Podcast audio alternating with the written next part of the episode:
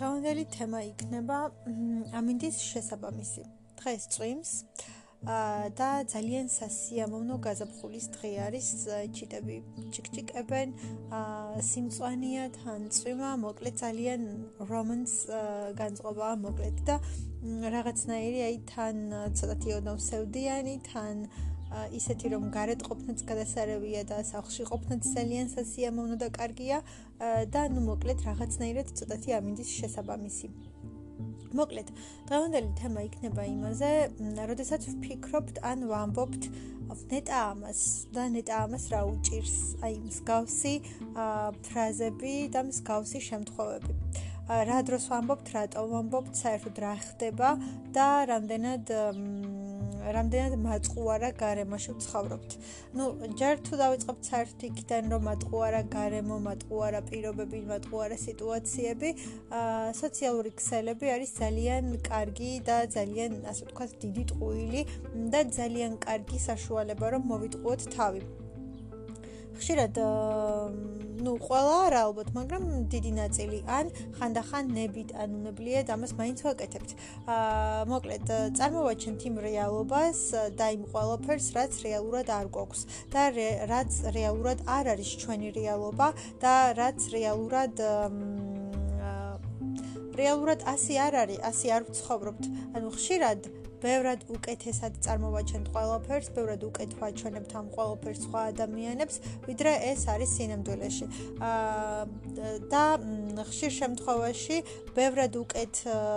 გადავცემთ ამ ყველაფერს სხვა ადამიანებს და ბევრად უკეთ ვეუბნებით თითქოს, რომ აი მე ძალიან კარგად ვარ, მე ბედნიერი ვარ, მე კარგად ვერთობი, მე კარგად ვცხოვრობ, მ კარგი შემოსავალი მაქვს, კარგი სამსახური მაქვს, კარგად ვისვენებ, კარგი მეგობრები მყავს,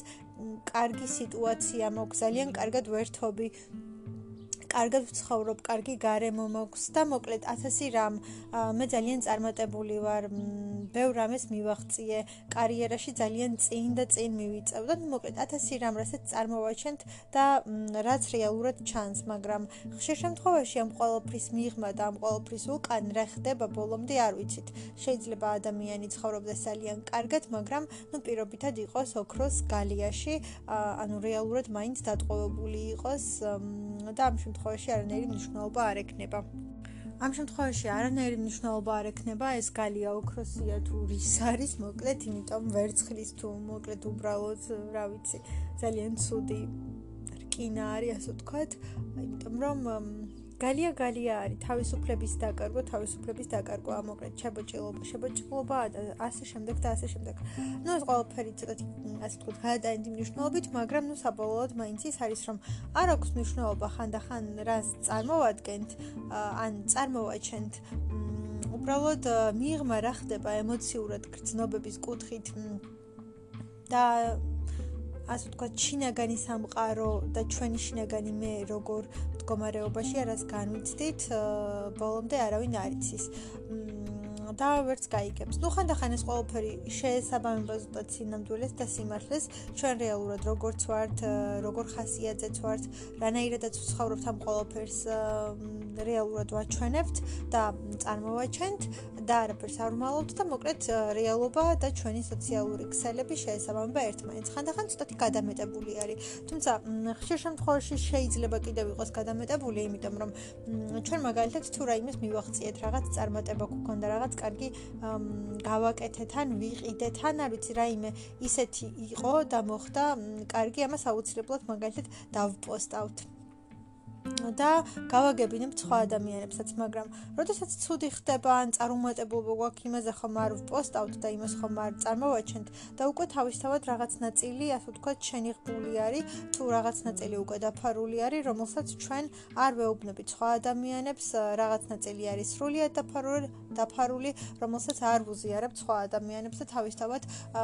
ჩვენ ვერ გვეცოდინება ბევრი რამ რაც ხდება მიღმა. და მოკლედ ეს ყველაფერი ხშირად და ძალიან ძალიან ხშირად არის უბრალოდ წარმოდგენები, წარმოსახვები და შეიძლება უბრალოდ ჩვენი წარმოდგენა იყოს, რომ ეს ადამიანი ძალიან კარგად არის ან ძალიან კარგად ცხოვრობს. რატომ გამახსენდა ეს ყველაფერი? როდესაც ეხლა ვფიქრობდი რომ მოდი აბა პოდკასტი ხომ არ ჩავწერო და მსგავსი ფიქრები როდესაც მქონდა. მე ნუ რაღაც დავფიქრდი განწყობაზე დავფიქრდი იმაზე რაზე უნდა მელაპარაკა რა შეიძლება და რომ ყოფილიყო დღევანდელი თემა. და მე მივხვდი იმასაც რომ აი მე პირადად როდესაც ვუსმენ სხვა ადამიანებს ნუ არის თემები რომლებშიც ჭირდება ან ვუსმენ სხვა ადამიანებს ვიღაცების ფოლოვერი ვარ მოკლედ და ასე შემდეგ ნუ ასე შემდეგ არის თემები რომლებიც მე ძალიან მაინტერესებს და ძალიან დიდი სიამოვნებით მივყვები ვუსმენ და მოკლედ თვალს ვადევნებ სხვის ბლოგს, პოდკასტს და ასე შემდეგ მოკლედ ყველას აქვს თავისი ინტერესების სფერო, მაგრამ რა ხდება? აი ზუსტად მაგაზე დავფიქრდი, რომ აი ხო შეიძლება რომ ვუსმენთ ადამიანს და ვფიქრობდეთ, რომ აი ნეტა ეხა ამას, ნეტა ამას რა უჭირს. ან აი ხშირად ყოფილა ისეთი პოდკასტი ნუ მიახლოებით, რა რაზეც მე საუბრობ ხოლმე და ვლაპარაკობ, რომ აი მსგავს თემებზე მე მიფიქრია, რომ აუ ეხა ეს როგორი ჭკვიანია, ან ეს როგორი გონიერია, ან ნეტა ამას რა უჭირს, ანუ აი ეს ყველაფერი თითქოს იცის და ყველაფერზე თითქოს პასუხი აქვს ან ყველაფერს ძალიან კარგად და დაალაგებულად საუბრობს და გონია რომ ცხოვრებაში აუცილებლად ყველაფერი აი ესე დაალაგებული და მოწესრიგებული ექნება და არანაირი პრობლემა არ ექნება თითქოს არანაირი სადარდებელი არ აქვს და თუ რაიმე გამოჩნდება ყოველ შემთხვევაში მასზე პასუხი ზუსტად იცის და რა უნდა გააკეთოს როგორ უნდა მოიქცეს და ნუ გონია რომ ემოციურად ყველანაირად ძალიან კარგად არის და ძალიან გაწონასწორებულია თითქოს მას არაფერი არ აწუხებს ну ხშირ შემთხვევაში არის ის რომ ასეთ პოდკასტებში ხო ან ბლოგზე ან ნებისმიერ მოკლედ სივრცეში არ დაიწყებს ადამიანი თავის პრობლემებზე ლაპარაკს ან გამოფენას ხო რაც არ უნდა იყოს ანუ მის ასე ვთქვათ ბლოგს, რაღაცას, რაღაცას თავისი მიმართულება აქვს, რომელსაც მიყვება. და როდესაც ხასიათზია, განწყობაზეა, როდესაც რაიმე სათქმელი აქვს, მაშინ ლაპარაკობს იმ თემაზე და თავისთავად ეს ყველაფერი არის ძალიან დაწყობილი, დაალაგებული და სასიამოვნოდ მოსასმენი და მე ნუ ჩვენ ხშირად ვფიქრობთ, რომ აი ხა ნეტა ამას რა უჭირს, აი ნეტა ამას, ნეტა ამას ხარ რომ მოწყობილი ცხოვრება აქვს, ნეტა ნეტა ასეთი ვიყო მეც, ან ნეტა მეც ასე ყველაფერზე მქონდეს პასუხი ნეტა მეც ასე ვიცოდე ყველაფერი როდის რა უნდა გავაკეთო როდის როგორ უნდა მოვიქცე როდის რა უნდა ვთქვა ვისთან როგორი დამოკიდებულება უნდა მქონდეს? ვის მიმართ რას უნდა ვგრძნობდე და როგორ უნდა ვიყო? ან ხშირად არის ეს ყველაფერი ხდება. მე მქონია ძალიან ბევრ ადამიანზე. ну მოკლედ სხვადასხვა ადამიანებზე, იმ სფეროდან, რომლებსაც ასე ვთქვათ, მე მიუყვები და რომელთა აზრებს თუ შეხედულებებს ვიზიარებ ან ვუსმენ, ხშირად, ძალიან ხშირად მეფიქრია, რომ აი ეხლა ნეტა ამას რა რა უჭირს. ნუ ეხლა თლათ ასე არა, მაგრამ ანუ ზოგადად მასზე რომ გაქვს წარმოქმნა, რომ აი ყველაფერი იცის, ყველაფერზე პასუხი აქვს, რომ ძალიან გონიერია, რომ ძალიან გამჭრიახია, რომ ყველაფერზე აქვს თითქოს პასუხი და ნებისმიერ შემთხვევაში, როდესაც რაღაც მოხდება მის ცხოვრებაში, ამაზე ექნება აუცილებლად პასუხი და ამას აუცილებლად გასცემს რაღაცა პასუხს და ყოველ შემთხვევაში არ დაბრკოლდება და რაღაცნაირად თითოეულ ეტაპს, თითოეულ რაღაც სიძნელეს და სირთულეს ძალიან მარტივად გადალახავს, იმიტომ რომ ყველაფერი იცის, ყველაფერზე თავისი შეხედულება და მოსაზრება აქვს და აი ამ რაღაც გამოცდილებებს ან ამ რაღაცებს ხვებსაც უზიარებს და ასწავლის, მაგრამ ხშირ შემთხვევაში რაზეც ვსაუბრობთ, ან როგორც ვიქცევით აა ესეც არ ხდება. ხო, ანუ ანუ მოკლედ, შეიძლება ერთს ვფიქრობდეთ, მაგრამ როდესაც რეალურად წავაწყდებით პრობლემას ან სირთულეს, ისე სულაც ვერ ვიქცეოდეთ, როგორც ჩვენ გონია ან როდესაც ამაზე ვლაპარაკობთ. მეც ყოფილა რომ ისაუბრია რომ აი ასეთი და ასეთი ურთიერთობები უნდა იყოს. ასე და ასე უნდა ვიქცეოდეთ, ან ამას და ამას უნდა ვაქცევდეთ ყურადღებას, ან ასე იქნება სწორი. მოკლედ მთელი ჩემი პოდკასტ პოდკასტების ჩანაწერები რაც არის და რაც კი მქონია თემები, ხშირ შემთხვევაში ვსაუბრობ რაღაც თემაზე და ნუ ვამბობ მიახლოებით რა იქნებოდა კარგი ან სწორი, მაგრამ ეს არ ნიშნავს იმას, რომ როდესაც მე მსგავს სიტუაციაში ვხვდები, ზუსტად ასე ვიქცევი. ხანდახან მეც ვერ ვიქცევი ასე, თუმცა რეალურად ცოდნის დონეზე ეს ყველაფერი შეიძლება ვიცოდეთ, ვცდილობდეთ რომ გავითვალისწინოთ, ანუ ვცდილობდეთ რომ მივიღოთ, მაგრამ მაგრამ ნუ ასე ვერ ვიქცეოდეთ. და ხშირ შემთხვევაში არც იმ ნიშნებს და სიმბოლოებს და მინიშნებებს არ მეუყვებით და ხშირ შემთხვევაში კიდევ არის ის, რომ სიმბოლოები არასოდეს არ ცდება და არასოდეს არ ტყუის, მაგრამ ჩვენ შეიძლება რომ ვცდებოდეთ და ჩვენ შეიძლება რომ არასწორად ან აღვიქვამდეთ ან ვკითხულობდეთ ან არასწორად ვიგებდეთ და არასწორად მიუყვებოდეთ მაგრამ თავად სიმბოლოები რეალურად არასოდეს არ ცდება და არასოდეს არ გვატყუებს ისინი ყოველთვის არის ძალიან სწორი ძალიან ზუსტი და მოკლედ უტყუარი რომელიც ყოველთვის გვაძლევს ყველაზე ზუსტ პასუხს. და მოკლედ ვფიქრობდი იმაზეც რომ ნიშნები არასოდეს არ ტყუის ნიშნები არასოდეს არ ცდება, თუმცა ჩვენ შეიძლება ხშირად რომ ვცდებოდეთ და შეიძლება რომ არასწორები ვიყოთ. იმ შემთხვევაში როგორ ვკითხულობთ, როგორ აღვქვამთ, ხანდახან ისეც ვკითხულობთ და ისეც აღვქვამთ, როგორც ჩვენ გვინდა რომ ამას ვხედავდეთ და როგორც ჩვენ გვინდა რომ ამას აღვქვამდეთ, მაგრამ რეალურად ასე სულაც არ იყოს, უბრალოდ ჩვენ ასე გვინდა რომ დავინახოთ, ჩვენ ასე გვინდა რომ მივიღოთ, ჩვენ ასე გვინდა რომ წავიკითხოთ და ასე ვიღებთ. და აქვე არის ისიც რომ თითოეული ნიშანი თითოეული სიმბოლო შეიძლება რამდენიმე რაიმეს მიემართებოდეს ან რამდენიმენაირად შეიძლებაოდეს ამ ყოველფრის მიღება, გააზრება, წაკითხვა, მაგრამ მაგრამ ჩვენ როგორ გავიგებთ რეალურად კიდევ ეს სხვა საკითხია. შეიძლება ერთი რამ რაღაცას მიემართებოდეს, რეალური მისი ნიშნულობა და წურთვა და ფუნქცია იყოს ეს რომ დაგანახოს, მიგანიშნოს, მაგრამ შენ შენი განწყობიდან ხას განწყობიდან გამომდინარე ხასიათიდან გამომდინარე რაღაც იმ ეტაპზე შენი მდგომარეობით და რაღაცით და ამ ყოველფრიდან გამომდინარე საერთოდ სხვანაირად გაიგო გაიაზრო და დაუკავშირო იფიქრო რომ აი ესია ნამდვილად ასე არის და ეს ყოველფერი ახლა ძალიან სწორია ზუსტია და მოკლედ ეს ასე არის და ეს ასეც უნდა იყოს. თუმცა შეიძლება რომ ეს სულაც არ იყოს მოკლედ. რატომ დავიწყე ამ თემის ჩაწერა პოდკასტის ჩაწერა რომ მინდოდა. აი დავფიქრდი რომ ხანდახან მეც როგორ ძალიან კარგად ვსაუბრობ. თუნდაც აი სიმბოლოებზე იმაზე რაზეც ახლა ვსაუბრობ. მე ზოგადად ძალიან ჯერა და მწამს და ყველანაირად მიუყვები ამ ყველაფერს რომ ამ სამყაროში არის ძალიან ბევრი მინიშნება არის ძალიან ბევრი პასუხი და რომ არსებობს ყველა კითხვაზე პასუხი, უბრალოდ ჩვენ უნდა ვიცოდეთ, როგორ წავიკითხოთ ეს ყველაფერი, როგორ გავშიფროთ და როგორ ამოვიკითხოთ ეს ყველაფერი. თუ ჩვენ ზუსტად მიუყვებით ამ ყველაფერს, აა მაშინ გვექნება ყველა კითხვაზე აბსოლუტურად პასუხი და ყველაფერი მეტნაკლებად გვეცოდინება. ნუ ბოლომდე ყველაფერს არ გულისხმობ, მაგრამ ჩვენთვის საინტერესო თემები მაინც რაღაცებზე პასუხი ნამდვილად გვექნება და მიუხვდებით როდის როგორ უნდა მოვიქცეთ და როდის რა უნდა გავაკეთოთ, როდის რა იქნება სწორი და როდის რა არ იქნება სწორი და ამას ხშირ შემთხვევაში ჩვენი ორგანიზმი და სხეულიც უკარნახობს და გვეუბნება. როდესაც რაღაცა უნდა გავაკეთოთ ან ვაკეთებთ, შინაგანად როგორი ემოცია გვაქვს, როგორი განწყობა გვაქვს, რას ვგრძნობთ, როგორ ვგრძნობთ, ამას ვაკვირდებით თუ არა. ხანდახან იმდენად უსიამოვნო თუ არ განწყობილი, ანუ ეს უკვე გვეუბნება, რომ რაღაცა არასწორს ვაკეთებთ, ისეც, რასაც არ უნდა ვშვებოდეთ და არ უნდა ვაკეთებდეთ, მაგრამ ჩვენ მაინც ვაკეთებთ. და აი ამ შინაგან ემოციას, შინაგან ხმას, ამ სისწორეს და არასწორეს ამ შემთხვევაში ვახშობთ. და ნუ მოკლედ მე პირადად ძალიან ჯერა და მწამს რომ არსებობს სიმბოლოები, არსებობს ძალიან დიდი მინიშნებები და ნიშნები, რომლებსაც მოკლედ სჭირდება სწორად წაკითხვა და დანახვა, მეტი არაფერი და ისინი ყოველთვის გვეუბნებიან სწორ პასუხებს და გვკარნახობენ თუ როგორ უნდა მოვიქცეთ, რა უნდა გავაკეთოთ, საით უნდა წავიდეთ და ასე შემდეგ. მაგ და როდესაც მე ვსაუბრობ თუნდაც ამ ყოველფერზე შეიძლება ყოველფერი ძალიან მარტივად ჩანდეს. თუნდაც ჩანდეს ის რომ აი მე ყოველთვის როცა რაღაც ნაბიჯი უნდა გადავდგა აი ამ ასე ვთქვათ, ჩემ ცოდნას მიუყვები და ამ მინიშნებებს ასე ვთქვათ, წავიკითხავ, რაღაცა სწორნაბიჯს გადავდგამ და ყველაფერი იქნება კარგად. რაც ნუ ხშირად ასე არ არის და რაც ხშირად ასე არ ხდება.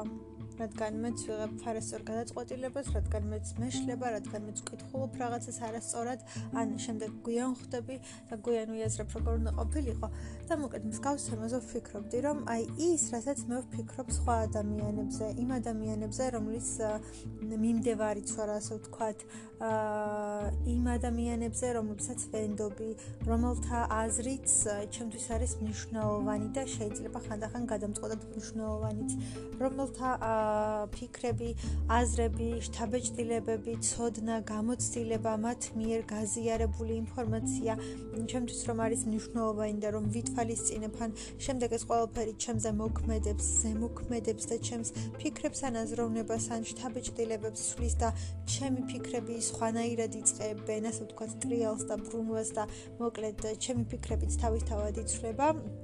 მიღებული ცოდნიდან გამომდინარე, აა მე ვფიქრობ ხშირად, რომ ეს ადამიანები აი როგორი კარგები არიან, როგორ ყველაფერი იციან, რამდენი რამ იციან და აი როგორ არიან ასეთი ჭკვიანები, ან როგორ არიან ასეთი განათლებულები, ან როგორ არიან აი ასეთი ცნით ხჭურველები და სულ მგონია ხოლმე რომ აი როდესაც ასე დაალაგებულად და წყობილად საუბრობენ ან რაღაც თემა კარგად იციან და იმ თემაზე ძალიან კარგად საუბრობენ, მ რომ აი რაღაცნაირად თითქოს ყველაფერზე აქვთ მათ პასუხი, თითქოს მათ ყველაფერი იციან და თითქოს ისინი არ უშვებენ შეცდომებს და ცხოვრებისეული სირთულეების და სიძნელეების წინაშე არ დგებიან. ამ დროს პირიქით არის, რომ შეიძლება ის ადამიანები უფრო მეტ დაბრკოლებებს და უფრო მეტ სირთულეებს აწყდებოდნენ ცხოვრებაში და ცხოვრების მანძილზე, ვიდრე მაგალითად სხვა ადამიანები და ვიდრე სხვები, იმიტომ რომ მათ შეიძლება უფრო მეტი გამოწვევები, უფრო მეტი სირთულეები, უფრო მეტი სიძნელეები და უფრო მეტი პასუხისმგებლობები და მოკლედ უფრო მეტი რამ შეხვდეთ ცხოვრებაში, რადგან ანუ რაც უფრო მაღალ საფეხურზე ხარ მაგალითად, ან რაც უფრო მაღალ level-ზე ხარ, უფრო რთული, ასე ვთქვათ, ამოცანები მოგდის გასაკეთებლად და შესაბამისად მათ შეიძლება უფრო რთული რაღაცებიც კი შეხვდეთ ხოლმე ცხოვრებაში, თუნდაც ემოციურ დონეზე, არა მხოლოდ გარეგნულად, არამედ რაღაც აი ემოციურად შინაგანად და მათ შეიძლება უფრო გაუჭირდეთ და გაუმკლავთ ზოგიერთ მოვლენასთან ან სიტუაციასთან გამკლავება და დავფიქრდი იმაზე, რომ ხშირად ეს ყველაფერი ასეთი დაალაგებულიც არ არის, როგორც ჩვენ გვგონია ან ფიქრობთ. მე არ ვიცი, ჩემზე ვინმე თუ შეიძლება საერთოდ მსგავსი რამე ფიქროს, მაგრამ უბრალოდ ერთი წამით მაინც, როდესაც გავიფიქრე, რომ აი ეს ყველაფერი, რასაც აქ ან სხვა ეპიზოდებში მისაუბრია, შეიძლება ჩანდეს, რომ აი თითქოს რაღაცები იცი, თითქოს რაღაცები თითქოს რაღაცები გისწავლია, ან არ ვიცი, რაღაც გამოცდილება გაქვს და შემდეგ უკვე ამ ყოველფერზე საუბრობ და ამ ყოველფერს უზიარებ სხვა ადამიანებს, მაგრამ შეიძლება შენი გამოცდილებიდან ან ცოდნიდან გამომდინარე რაღაც გაუზიარო სხვა ადამიანს და უთხრა და მოუყვე, მაგრამ ეს თუნდაც არ ნიშნავს იმას, რომ შენ ძალიან ბევრი რამ იცი. შენ კიდევ გაქვს ბევრი სასწაული კიდევ უნდა მიიღო ძალიან ბევრი გამოცდილება, კიდევ უნდა შეეჯახო ძალიან ბევრ რაღაცას, კიდევ ძალიან ბევრი უნდა ისწავლო და ნუ მოკლედ 1000 რამ არის და წინ კიდევ არის გზა, წინ კიდევ არის სირთულეები, წინ კიდევ არის 1000 დაბრკოლება, 1000 სასწაული და ეს არაფერს არ ნიშნავს და ისიც რომ რაღაცა შეიძლება იცოდე, ცოდნა ერთია და პრაქტიკულად გამოყენება არის კიდევ მეორე. შეიძლება ძალიან ბევრი რამ ვიცოდეთ, ვიცოდეთ თუნდაც სწორი, არასწორი რაღაცა, რაღაცა, მაგრამ ყოველთვის ისე ვერ ვიქცეოდეთ, როგორც უნდა მოვიქცეთ. ყოველთვის ვერ ვაკეთებდეთ სწორ არჩევანს, ყოველთვის ვერ ვიყოთ მართალი, ყოველთვის არ ვიყოთ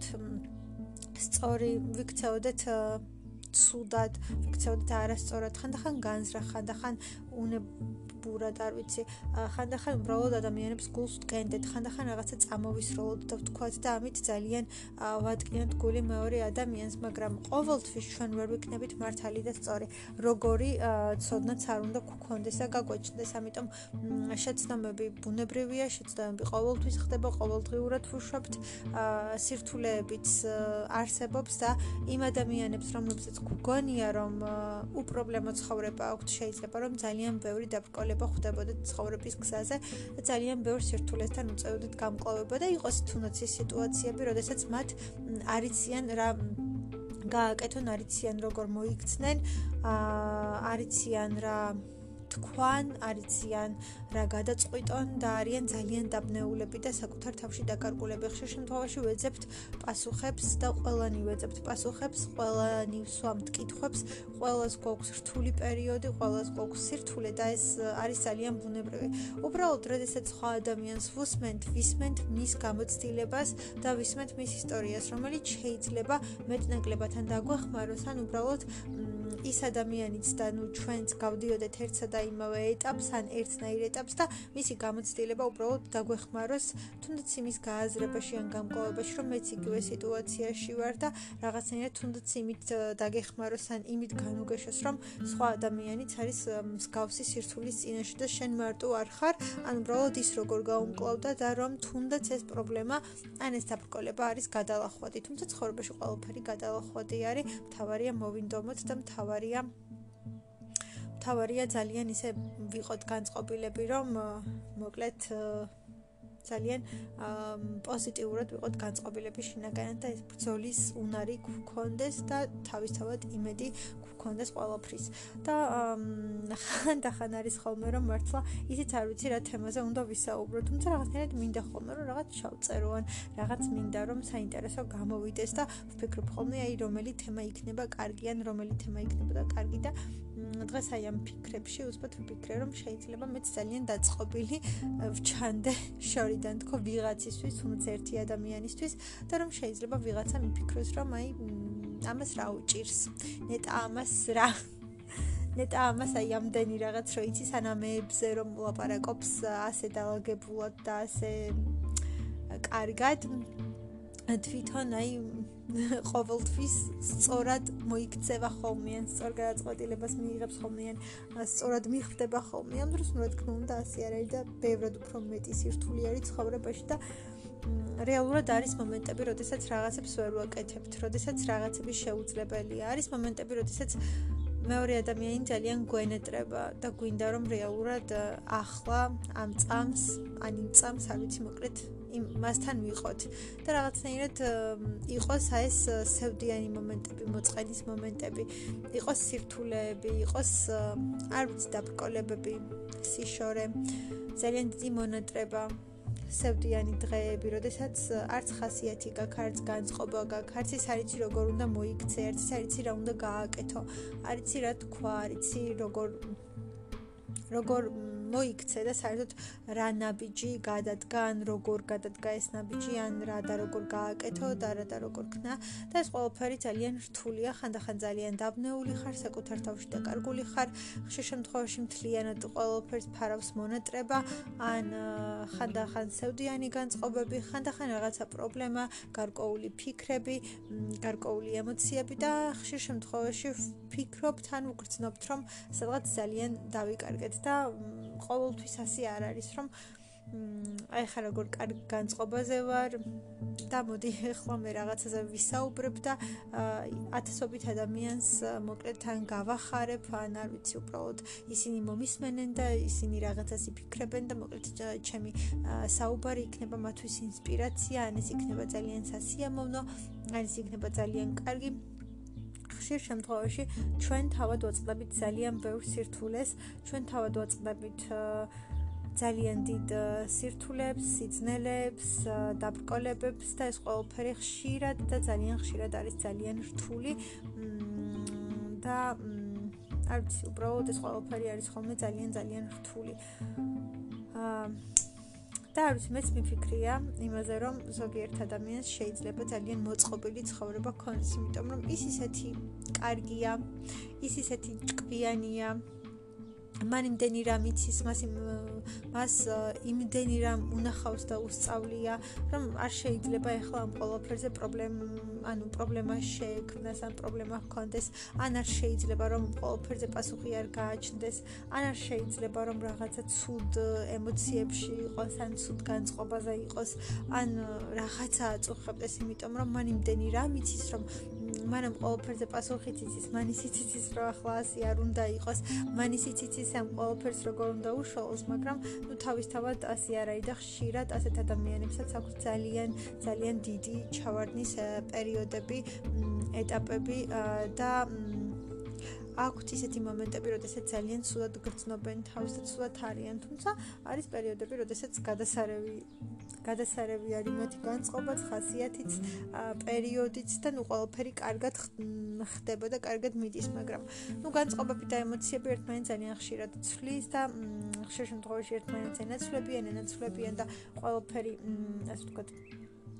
მიდის მიედინება, ყველაფერი არის მიმდინარე და ბევრი რამ იცვლება. და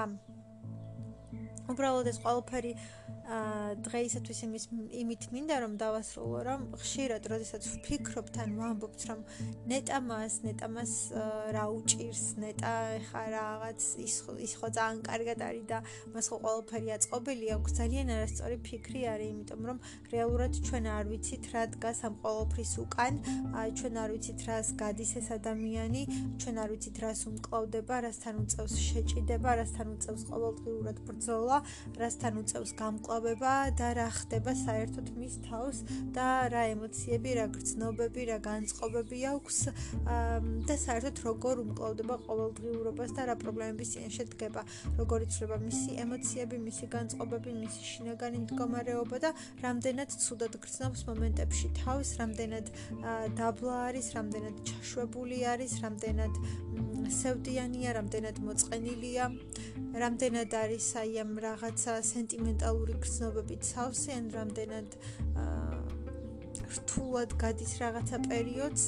და ჩვენ ამას ვერასოდეს ვერ გავიგებთ და ვერასოდეს ვერ ვიტყვით მეორე ადამიანზე ზუსტად და გადაჭრით რომ აი ნეტა ეხა ამ ადამიანს ნეტა ეხა ამას რა უჭირს ნეტა ამას როგორ ყველაფერი კარგად აქვს ნეტა ამას ყველაფერი როგორი დაწყობილი აქვს და როგორ აი ესე უპრობლემოდ და აი ასე ვთქვათ არხეინად ცხოვრობს ეს ადამიანი. ძალიან არასწორი დამოკიდებულებაა და ძალიან არასწორი ფიქრია და ნუ საკუთარი თავი გამოვიჭირე პირველ რიგში რომ მეც მიფიქრია მსგავსი რამ სხვა ადამიანებზე, იმ ადამიანებზე, რომლებიც საუბრობენ, რომლებსაც მე ვუსმენ და ალბათ იმიტომაც ვფიქრობ ხოლმე და საერთოდ იმიტომაც ვფიქრობ მსგავს რაღაცას რომ ჩვენ ამ ადამიანებს ვუსმენთ მათი იდეები, მათი აზრები, მათი საუბარი, მათი წარმოდგენები, მათი შეხედულებები მოგწონს, ვიზიარებთ რაღაცნაირად ვეთანხმებით და რადგან ისინი ამ ყოველფერზე საუბრობენ და თავის რაღაცას გვიზიარებენ ან გვიყვებიან, ვფიქრობთ, რომ ისინი ძალიან განათლებულები ან ჭკვიანები არიან, ან მათ ბევრი რამ იციან და აი ამ დანარჩენ საკითხებზეც აუცილებლად უნდა გქონდეთ პასუხები და ყოველთვის მოკლედ ასე არ ხდება და ყოველთვის ასე არ არის.